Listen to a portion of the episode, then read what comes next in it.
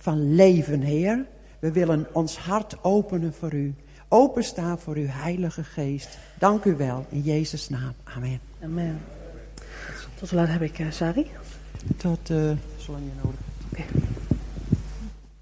Goedemorgen allemaal. Wat leuk, we zijn twee weken met vakantie geweest. Het is ook weer leuk om iedereen weer te zien. En ik ben echt heel vervolgd dat ik het woord mag brengen. Het is een onderwerp wat behoorlijk door me heen gaat. Liefde en opdracht. Dus ik doe alsof ik gewoon tussen, tussen jullie in de stoel zit. Ik spreek niet tegen jullie, maar ik spreek gewoon voor ons als gemeente. En ik geloof dat dat het woord is wat God wil geven. Um, we zijn bezig met na te denken over wat is nou gemeente zijn eigenlijk. Wat is nou een beweging zijn van de Heilige Geest. Maar om daar naar te kijken, vond ik het eigenlijk heel interessant om eerst eens te gaan kijken naar wat is nou eigenlijk, waar, hoe zijn we nou geworden tot de gemeente die we nu zijn? Nou, wat is gemeente? Gemeente is eigenlijk het lichaam van Jezus. Het staat in Colossense. Hij is het hoofd van het lichaam, namelijk van de gemeente. En de gemeente bestaat uit alle mensen die Jezus volgen. De volgelingen van Jezus, dat is vormt samen de gemeente. En in Handelingen lezen we als eerst over de gemeente. In Handelingen 2 een heel bekend vers. En alle die geloofden waren bijeen en hadden alle dingen gemeenschappelijk. En ze verkochten hun bezittingen en eigendommen en verdeelden die onder allen, nadat ieder nodig had. En ze bleven dagelijks eensgezind in de tempel bijeenkomen. En terwijl ze van huis tot huis brood braken, namen zij gezamenlijk voedsel tot zich, met vreugde en een eenvoud van hart. En zij loofden God en vonden genade bij heel het volk. En de Heere voegde dagelijks mensen die zalig werden aan de gemeente toe. Er was in die tijd ook veel vervolging. Heel veel vervolging, maar de kerk groeide, het lichaam van Jezus, de gemeente groeide. Er kwamen steeds meer mensen bij die ook Jezus wilden volgen. En daarna ongeveer 300 jaar nadat Jezus is overleden, dus 300 na Christus zeg je dan, was Constantijn de Grote, een Romeinse heerser en aan de macht. Had een heel groot rijk en hij besluit dat het christendom de staatsgodsdienst moet worden van zijn rijk. Niet zozeer omdat hij in Jezus gelooft, maar omdat het gewoon heel handig is om zijn rijk bij elkaar te houden. Hij bepaalt dat zondag dan een feestdag wordt en dat onder andere priesters een bevoorrechte positie krijgen. Dus eigenlijk het begin van de algemene kerk. En algemeen is een ander woord voor katholiek. In die periode was de samenleving heel erg onder invloed van Griekse en Romeinse denkers. Jullie waarschijnlijk wel eens, heb je wel eens van gehoord.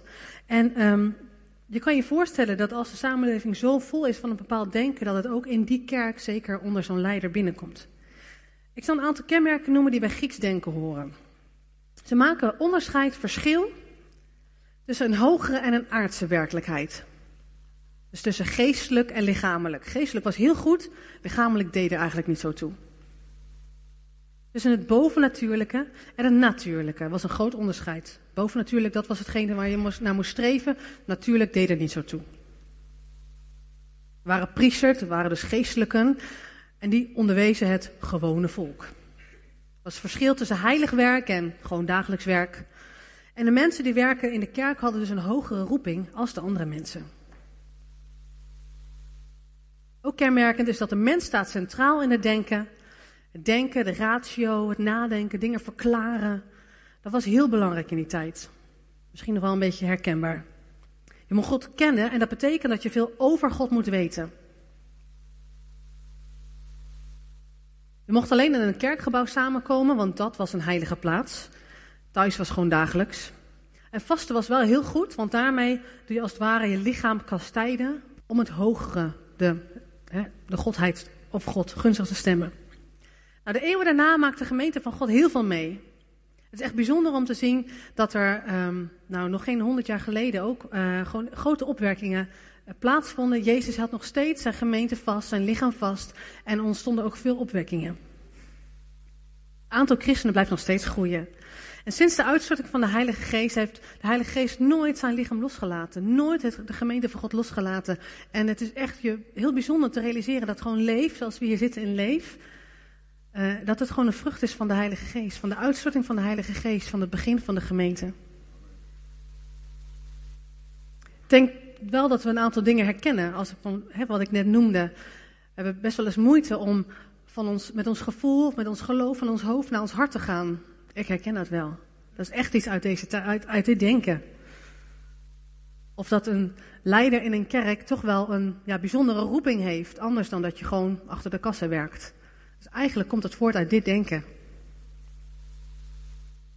Als we met elkaar samenkomen als gemeente, of waar je ook samenkomt, dan breng je de, het stukje cultuur waar je groot in bent geworden, breng je mee naar binnen. Zo werkt dat. Als je uit een gezin komt waar dingen gewoon zijn, dan denk je dat het gewoon is en dat neem je gewoon mee naar de groep waar je heen gaat. Zo werkt dat. Dat is een gegeven. En zo kun je je voorstellen dat wij als Nederlanders, of in welke hoedanigheid we hier ook zitten, dat we ook een stuk van onze cultuur mee naar binnen nemen. Dat geldt voor elke plaats en niet alleen Leef. Maar wat is dan zo'n Nederlands? Wat is dan een stukje Nederlands wat mij mee naar binnen nemen?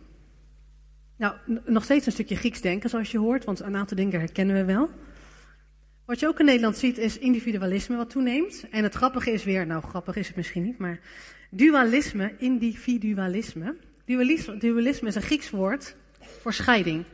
De scheiding tussen individuen, ieder voor zich. Dat is wel iets wat wij herkennen, denk ik, in Nederland. Sinds de, de, sinds de generatie na de Tweede Wereldoorlog is zelfontplooiing een belangrijk onderwerp geworden. Een hele belangrijke waarde. Tegenwoordig spreken we ook over een digitale generatie. Communicatie gaat steeds meer via, digitale uh, wegen. Er wordt ook gesproken over een achterbankgeneratie. Een achterbankgeneratie wil zeggen, onze ouders zorgen er wel voor. Gezagdragers die, die nemen het wel op. Wat ook wel gebeurt. Andere waarde is dat we authentiek willen zijn. We willen autonoom zijn. Flexibel werken in een sfeervolle omgeving is iets wat Nederland heel fijn vindt. Er is helemaal niks mis mee, hè, overigens. We hebben een steeds kortere aandachtsboog. En zeker de veel jongere generaties, die zeppen zich als het ware door het, door het leven. Wat je ziet is dat we wel een kritische bril hebben. En dat we ook steeds minder gezag voor, uh, respect voor gezagsdragers hebben. Als je af en toe in het nieuws hoort hoe een ambulance aangevallen wordt terwijl die gewoon iemand komt helpen, dat gebeurt in Nederland. Niet allemaal slecht. Zelfontplooiing op zich, hè, dat je kan groeien in wie je bent, is niks mis mee aan zich. Als het onderworpen is natuurlijk aan Jezus. Nou, dan kun je ook zien dat in elk gebied, elke regio ook zijn eigen cultuur heeft als het ware. En van Zutphen is bekend dat het een bolwerk is van antroposofie. Maar het is ook een plek waar heel veel handel is gedreven. Het is ook een handelsmentaliteit. Dus dat houdt in dat het een um, vrij en autonoom denken kent, deze regio. En als je van al deze samenstellingen, al deze invloeden dan een, een, gemeente zou schilderen, nou dan zou je een gemeente hebben die gewoon op zondag naar de kerk gaat. Als ze zich daar goed voor voelen trouwens. Um, ze wachten af wat de leiders, hoe de leiders een en ander zullen regelen, maar willen zelf ook wel graag kiezen. Wat op zich ook niet verkeerd is natuurlijk. Um, als dan dingen niet zo lekker gaan, dan verwachten ze ook wel dat de gezagsdragers het oplossen.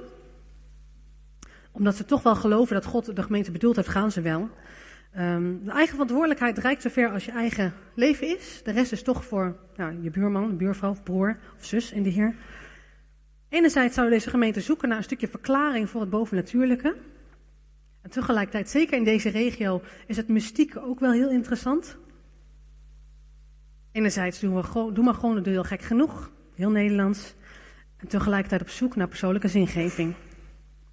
En wat je verder ook op het moment ziet, is dat er veel uh, een eventkarakter aan gemeenten wordt gegeven. Je moet uh, goede muziek hebben, nou dat hadden we absoluut. We mogen nog best een applausje geven voor de muziek van vanochtend. Dat zitten jullie. Het is een band uit de VIZ, uit Zwolle. We willen hele goede muziek, heel fijn, een prettig entourage is ook lekker. Um, goede boodschap, sterke preek. Gewoon een, een, een, een sfeer waar je gewoon zomaar in kan stappen. Wat ik heel bijzonder vind, is dat God in al die eeuwen zijn gemeente nog nooit heeft losgelaten. Hij is nog steeds bezig en het aantal volgelingen, zeker ook in andere landen, groeit heel erg. Maar ook in Nederland is God echt bezig. Ik weet dat in de traditionele kerk is echt een beweging op gang om dat mensen echt Jezus willen leren kennen en ook de Heilige Geest willen leren kennen. Maar ook in evangelie in Pinkstergemeente is God echt bezig. God heeft zijn lichaam nog nooit en zijn gemeente nog nooit losgelaten. Wat is dan het doel van gemeente zijn? Nou, als je naar God kijkt, hij wilde relatie met de mens. Hij wilde een intieme band met de mens hebben. Hij wilde wandelen met de mens. Maar hij geeft aan volgelingen ook hele duidelijke instructies. Ik wil er twee van noemen. Matthäus 22. Om hem op de proef te stellen, vroeg een van hen een wetgeleerde. Meester, wat is het grootste gebod in de wet? Hij antwoordde, heb de Heer, uw God, lief met heel uw hart, met heel uw ziel, met heel uw verstand. Dat is het grootste en het eerste gebod. Het tweede eraan gelijk is, heb uw naaste lief als uzelf. Deze twee geboden zijn de grondslag van alles wat er in de wet en in de profeten staat. Hier gebiedt God ons dus van hem te houden. En van onszelf en onze naaste op de tweede plaats. Een andere opdracht, ook wel de grote opdracht genoemd, staat in Matthäus 28. Jezus kwam naar hen toe en sprak met hen en zei, mij is gegeven alle macht in hemel en op aarde. Ga dan heen, onderwijs al de volken, en doop het in de naam van de Vader, van de Zoon en van de Heilige Geest. En lerend alles wat ik u geboden heb in acht te nemen. En zie, ik ben met u tot aan de voleinding van de wereld. Het klinkt best wel tegenstrijdig als God eigenlijk, wij, zeggen altijd, Jezus geeft een keus. God heeft je een keus gegeven van, van hem te houden, van hem te kiezen. En dat is ook zo. Tegelijkertijd draagt hij ons op van hem te houden. Hoe werkt dat dan? Hoe is dan liefde en opdracht? Hoe gaat dat dan samen? Als je kijkt naar Genesis, dan zie je dat eigenlijk ook. Dat God dat daar combineert. God schiep de mens naar zijn evenbeeld. Hij was er onwijs blij mee. Het was degene waar, waar hij zoveel van hield, Adam en Eva. Maar God zegt meteen, ik, geef je een opdracht. Wees vruchtbaar en regeer. Dat is meteen een opdracht.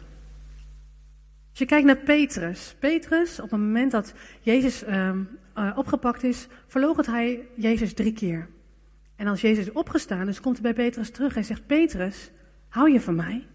Ja, zegt Petrus.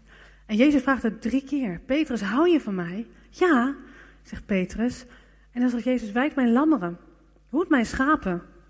Zorg van mijn kudde, zorg van mijn volk. Jezus geeft meteen een opdracht.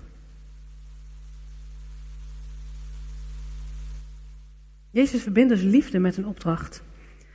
En ik wil eens vragen aan jullie, waar denk je aan als je aan liefde denkt? Eens roepen, wat is liefde? Wat, wat woorden? Waar denk je aan als je aan liefde denkt?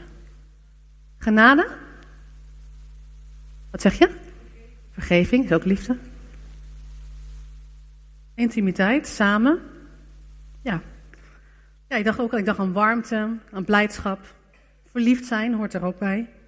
Bij elkaar horen, met elkaar op een bepaalde manier verbonden zijn. We weten ook dat liefde niet bij verliefdheid blijft. Op een gegeven moment is het ook een keus. Soms hou je wel van iemand, maar voel je het niet. Is het gewoon een keus. Maar als je kijkt naar de opdracht in Genesis, dan lees je dat God niet alleen een opdracht geeft, maar hij geeft ook regie. God zegt niet, hier, doe dat en ik zie je wel weer, ik kom wel controleren hoe het gaat, maar hij geeft de regie. Hij geeft een stukje autoriteit. Namens hem mag de mens regeren over de aarde. Dus niet, ik wil dat jij dit gaat doen, maar God zegt tegen de mens, jij kunt namens mij regeren over de aarde, want ik geef je autoriteit. Hij geeft dus iets van zichzelf. Als je kijkt naar Petrus, wat ik net noemde.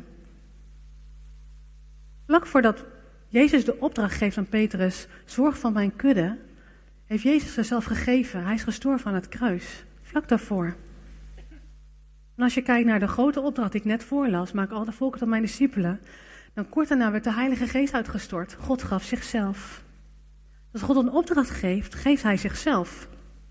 Voor God is dus de liefde alleen een gevoel en zelf niet alleen een keus. Voor God betekent dat je, dat je jezelf geeft. Je geeft je helemaal over aan die ander. Ik heb wel eens eerder genoemd, en misschien kennen jullie ze ook wel, de vijf talen van liefde van Gary Chapman. Wie kent ze? Ja, een aantal wel. Nou, het gaat erom dat iedereen reageert vanuit een bepaalde liefdestaal. En waardoor je makkelijk liefde ontvangt en makkelijk liefde geeft. En de een heeft dat met uh, cadeautjes. De ander heeft dat met mooie, goede woorden of lichamelijke aanraking. Het zijn er vijf. Maar als je kijkt naar Jezus' eerste liefdestaal, Gods eerste liefdestaal, is jezelf geven. Helemaal. Ook als het je wat kost. Het is wel iets wat wij horen, maar wat ik best moeilijk vind om ook te bevatten. Want ik hou heel veel bijvoorbeeld van mijn gezin. Maar toch zijn er altijd dingen die je denkt, ah, moet ik dat weer opzij zetten? Weet je? Zo werkt dat. Helemaal jezelf overgeven is best een ding. En Jezus heeft hier ook mee geworsteld. Toen hij in Gethsemane zat, hij was zo bang dat hij bloed zweette. En het is ook niet gek, want hij stond op het punt totaal verwijderd te worden van zijn vader. En alle straf te dragen van de mensheid. Maar toch zegt Jezus, niet mijn wil geschieden, maar uw wil geschieden. Ik geef me helemaal voor u, vader, en helemaal voor de mensen. Ik denk dat dat de meest diepe liefdesbetuiging is ever. En Jezus geeft zichzelf voor ons. Hij geeft ons, zijn gemeente, een opdracht om al de, al de volken te maken tot zijn discipelen, tot zijn volgelingen. Hij geeft ons de opdracht van hem te houden op de eerste plaats, van onszelf te houden, van onze naasten te houden. En de vraag is nu aan ons, waar staan wij nu? Waar sta jij? We hebben in de eerste week van de 40 dagen hebben we nagedacht over de vraag, is Jezus jouw verlosser? Of is hij ook de koning van jouw leven? Jezus kan je verlosser zijn en dan ga je vervolgens gewoon door met je leven. Maar als Jezus de koning van je leven is, dan heeft hij zeggenschap. Dan zit hij op de troon van jouw leven. En nu is de vraag: geloof je in hem of hou je ook van hem? En hou ervan zoals hij ook van jou houdt. Jezelf helemaal geven.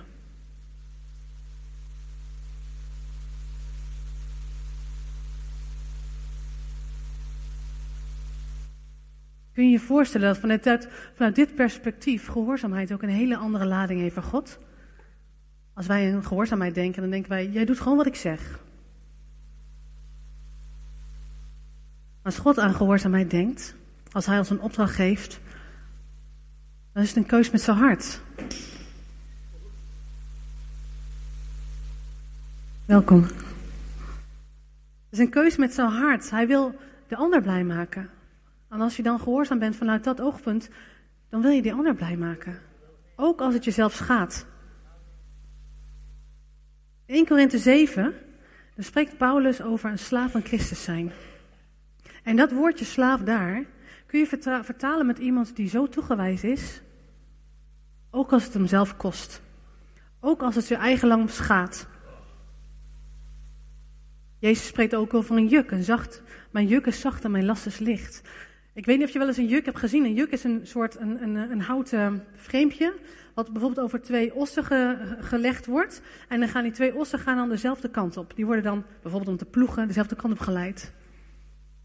Jezus nodigt ons uit om vrijwillig ons hoofd in zijn, zijn juk te leggen. En als we dat doen, dan automatisch volgt hij, of volgen wij hem, leidt hij ons om zijn opdracht te doen. Allereerst van hem te houden. Dan van onszelf te houden, van onze naasten te houden. En al deze mensen te maken tot zijn discipelen.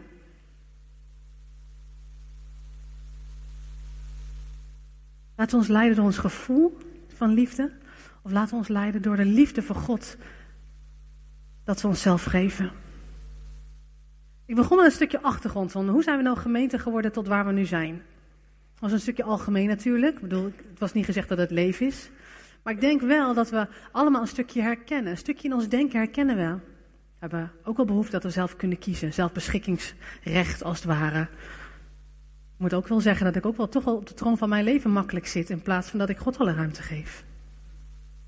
Ik maak mij ook wel onderscheid in bepaalde hogere zaken en gewoon aardse zaken. En als we dit vergelijken met de eerste gemeente, is dat best wel anders. Wat zou er nu gebeuren als er verdrukking zou komen in Nederland? Waar zou je staan? Zou je bereid zijn Jezus te volgen tot in de dood, net als hij voor ons heeft gedaan? Discipelen wij Jezus? Wordt Jezus lichaam steeds groter? Een discipelen wil eigenlijk zeggen dat je de normen en waarden die God jou geleerd heeft, dat je die doorgeeft aan een ander, zodat hij het ook gaat doen. Er wordt in week 2 van de 40 dagen wordt een definitie van discipels uh, gegeven. Een discipel van Jezus, ik lees hem even voor, is iemand die het verlangen en de bereidheid heeft om voortdurend van hem te leren. En zijn voorbeeld te volgen in de kracht van de Heilige Geest. Om mensen te discipelen is het belangrijk dat we eerst ons eigen hart onderzoeken. Hou ik zoveel van Jezus? Ben ik altijd bereid? Heb ik altijd verlangen om Hem te dienen in alles? mijn eigen leven neer te leggen. Want alleen dan kan ik mensen meenemen om ook een discipel te zijn. Kijk, we zouden als gemeente natuurlijk een programma kunnen maken. Een programma voor evangelisatie, een programma voor discipelschap. En dat zijn echt goede dingen. En daar denken we ook heel serieus over na. Maar zou dat het zijn? Jezus vraagt aan al zijn volgelingen: Wil je alle volken maken tot mijn discipelen? Allemaal. Niemand uitgezonderd. Kijk, wanneer Jezus op Instagram zou zitten, op YouTube, dan kon je hem liken, duimpje omhoog. Nou, dan volg je Jezus. Maar zo werkt het niet. De opdracht gaat over liefde. De opdracht gaat over jezelf geven. Want dat heeft hij ook gedaan voor ons. En daarvoor is het nodig dat we ons eigen hart onderzoeken. Want de gemeente, dat is niet het gebouw, dat weten we. Dat hebben we ondertussen wel door. Gemeente is ook niet het leidersteam. Gemeente ben jij, dat zijn wij. Wij zijn de gemeente met elkaar.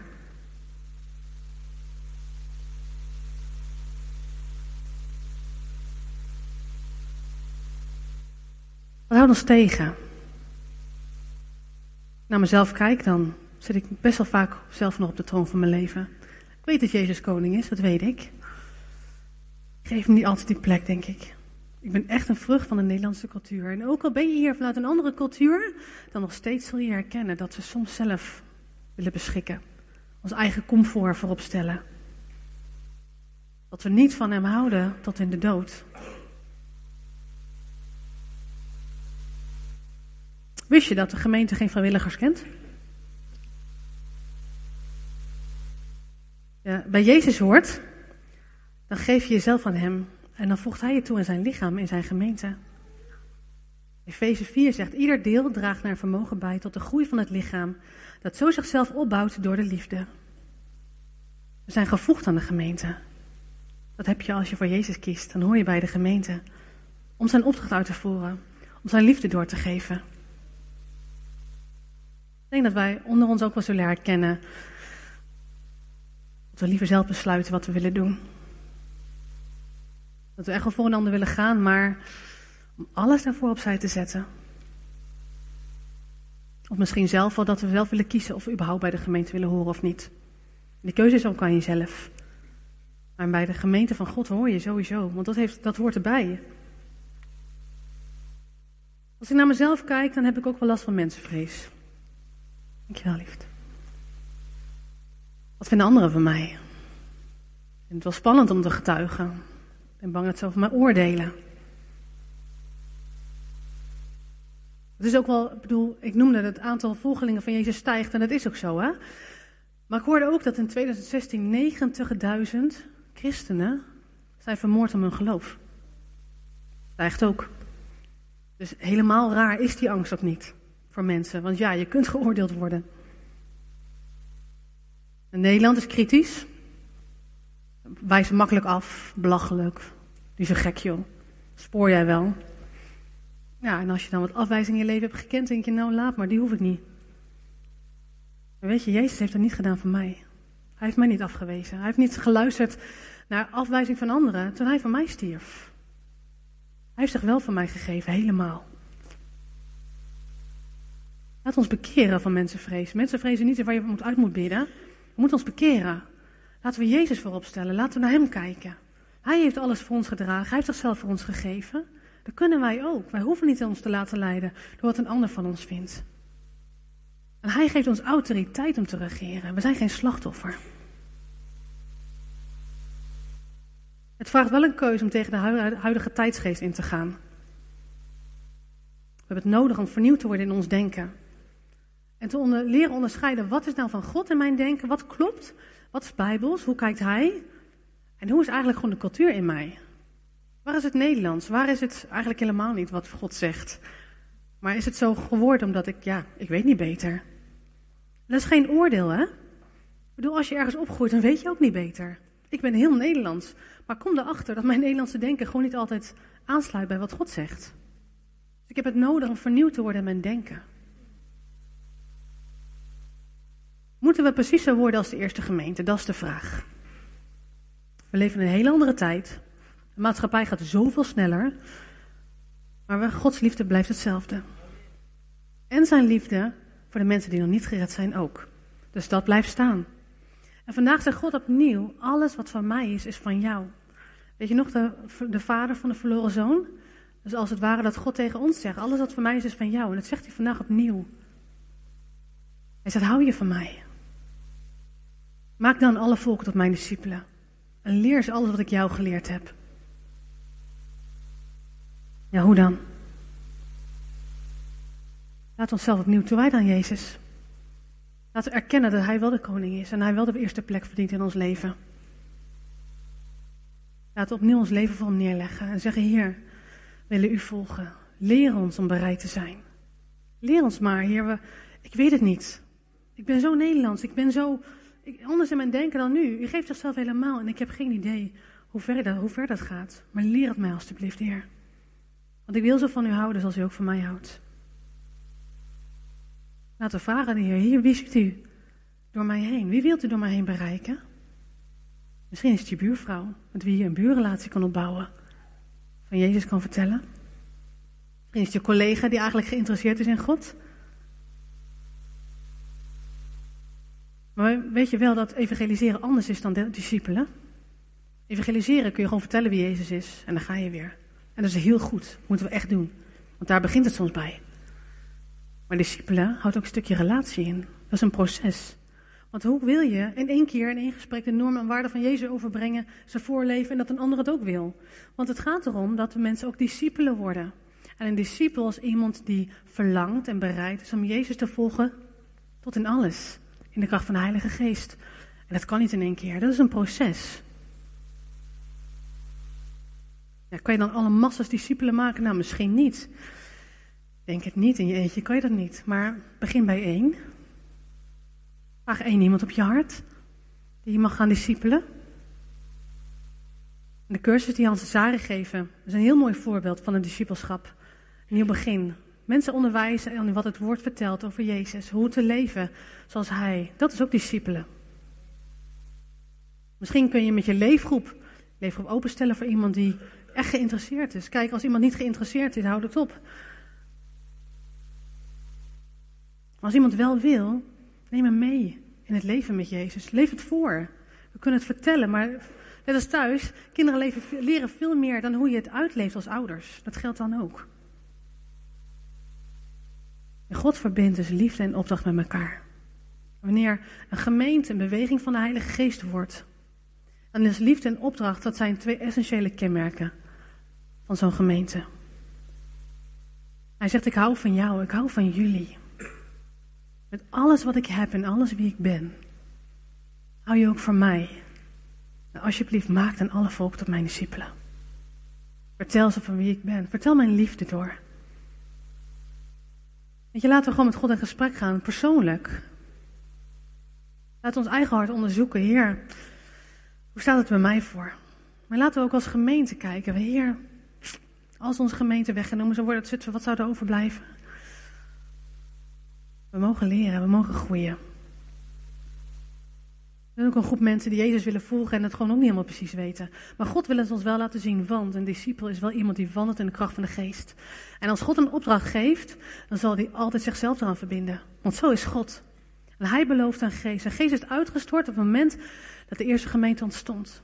Dus laten we ook in de kracht van de Heilige Geest gaan wandelen. Gaan zoeken, Heer, wie ziet u door mij heen? En wie kunnen wij als gemeente bereiken? We willen Zutphen bereiken.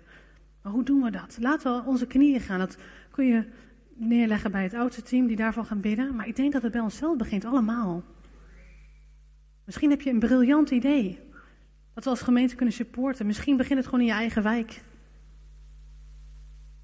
Laten we gewoon naar onszelf toe gaan. Vragen, Heer, hoe zit het in mijn hart? En leer me te worden zoals u wil. De Heilige Geest zal en het willen en het werken in ons uitwerken. Het is een ons om te zeggen, ja Heer, ik wil. Ik wil de band vragen, wil je naar voren komen?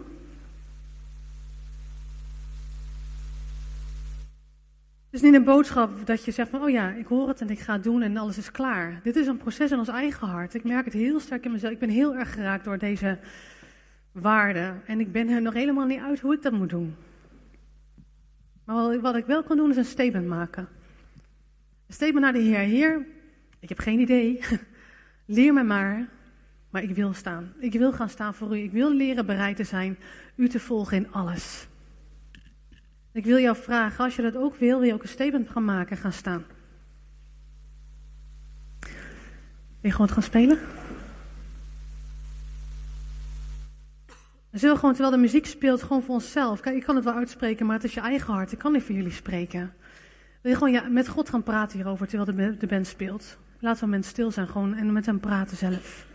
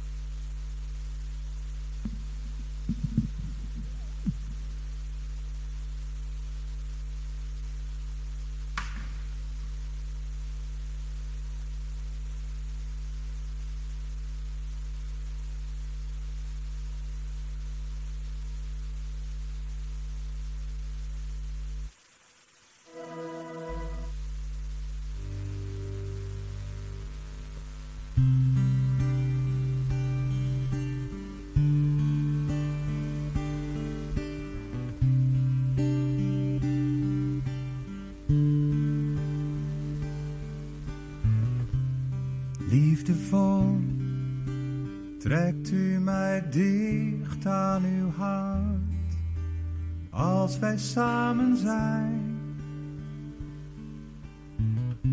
Door uw bloed wast u mij witter dan sneeuw en nu ben ik vrij.